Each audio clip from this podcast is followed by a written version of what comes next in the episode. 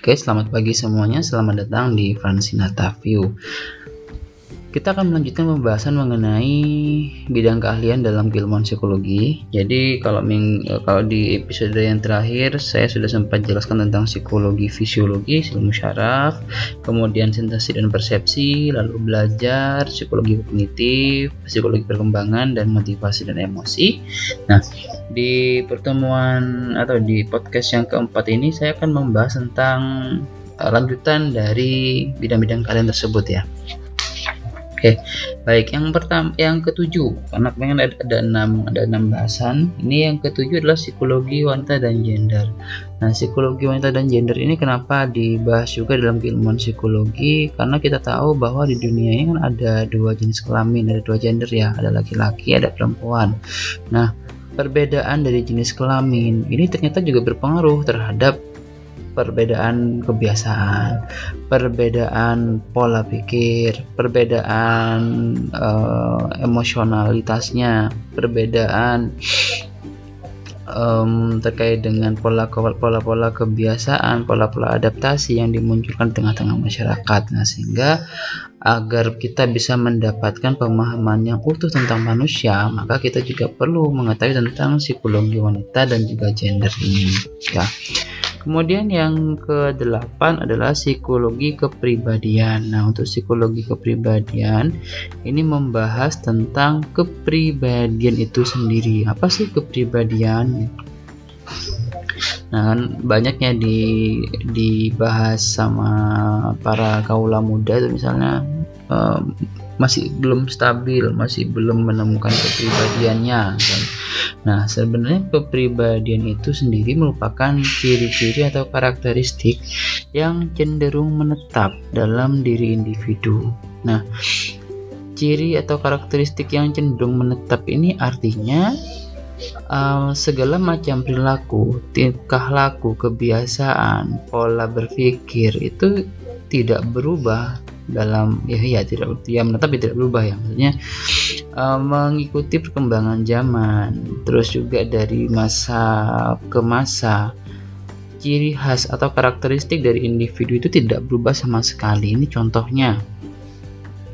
Nah, misalnya dia memiliki karakteristik yang ramah, terus uh, suka senyum, lalu juga tipe orang yang supel ya mudah untuk bergaul lalu juga mudah untuk berkomunikasi atau membuat interaksi dengan orang lain. Nah pola perilakunya tetap dari dulu sejak masih masa-masa remaja masa dewasa awal sampai nanti dia di usia dan seterusnya eh, pola karakteristik itu menetap pada dirinya sehingga jika kita bertemu dengan orang itu secara tidak langsung kita akan oh ini orangnya super oh ini orangnya ramah oh ini orangnya asik diajak ngobrol.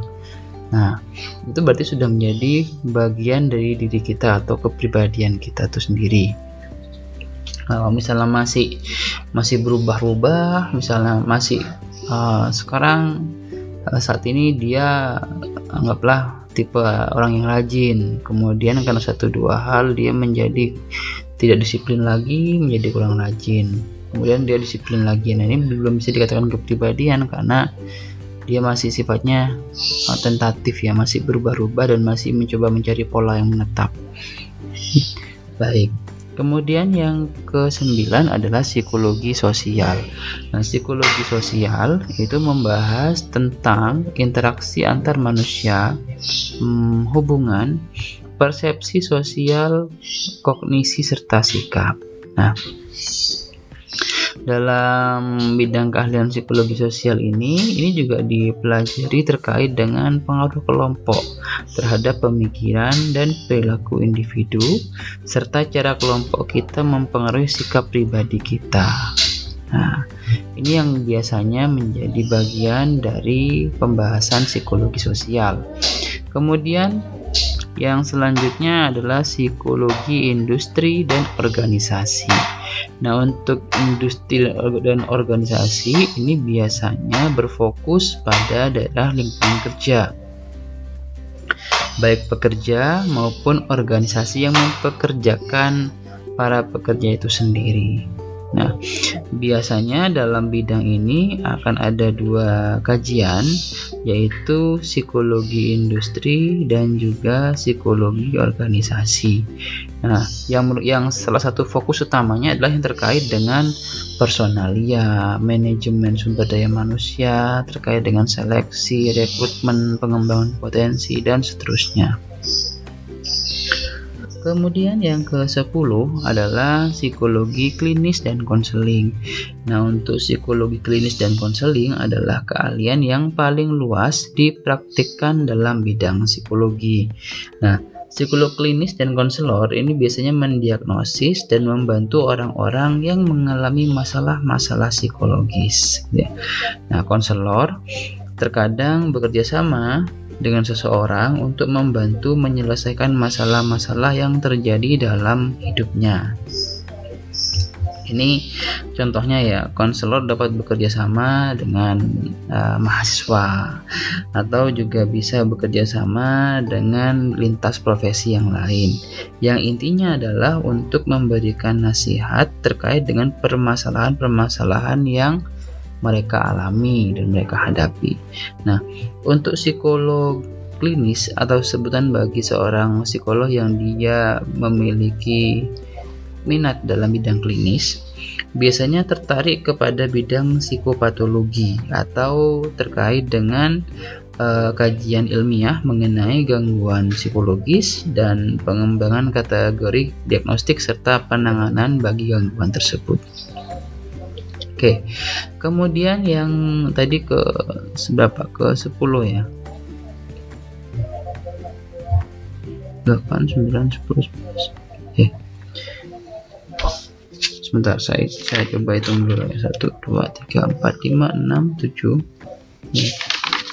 8, 9, 10, 11 Oke, ini yang ke-12 tentang psikologi kesehatan Oke, Psikologi kesehatan itu merupakan suatu pendekatan multidimensi terhadap kesehatan manusia yang menekankan kepada faktor psikologis, gaya hidup, dan sifat dari sistem pemberian layanan kesehatan. Nah, banyak psikolog kesehatan ini mempelajari peran stres dan kemampuan mengatasi masalah dalam kehidupan manusia. Psikolog kesehatan dapat bekerja pada area kesehatan fisik maupun mental.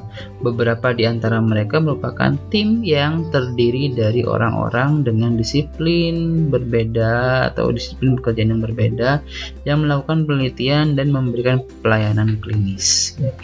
Daftar keahlian ini tidak dapat sepenuhnya menggambarkan semua pengetahuan yang akan yang akan eh, teman-teman uh, semua peroleh ya sebagai mahasiswa.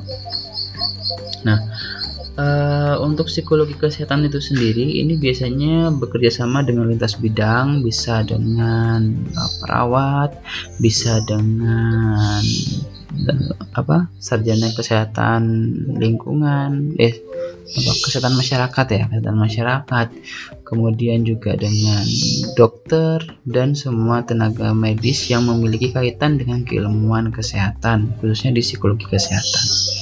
Baik. Baik, eh, teman-teman, mungkin itu saja untuk podcast uh, episode keempat. Jadi kita akan lanjutkan lagi di episode kelima tentang lanjutan dari bidang keahlian dalam keilmuan psikologi itu sendiri. Oke, terima kasih atas waktunya. Terima kasih atas atensinya sudah mau menyimak apa yang saya sampaikan. Semoga apa yang saya sampaikan ini memiliki nilai yang bermanfaat bagi para pendengar sekalian. Dan tentunya uh, mohon maaf jika memang masih ada kekurangan di sana sini karena saya juga masih belajar dan ini juga merupakan sarana media bagi kita semua belajar. Jadi mari kita sama-sama belajar, mari kita sama-sama mencari ilmu. Tidak ada yang menggurui, tidak ada yang menjadi murid, tidak ada yang menjadi guru, semua sama. Kita sama-sama makhluk yang sedang mencari uh, apa mencari kebermanfaatannya di tengah-tengah masyarakat kita. Oke, baik. Terima kasih atas waktunya. Saya undur diri. Sampai jumpa di podcast berikutnya.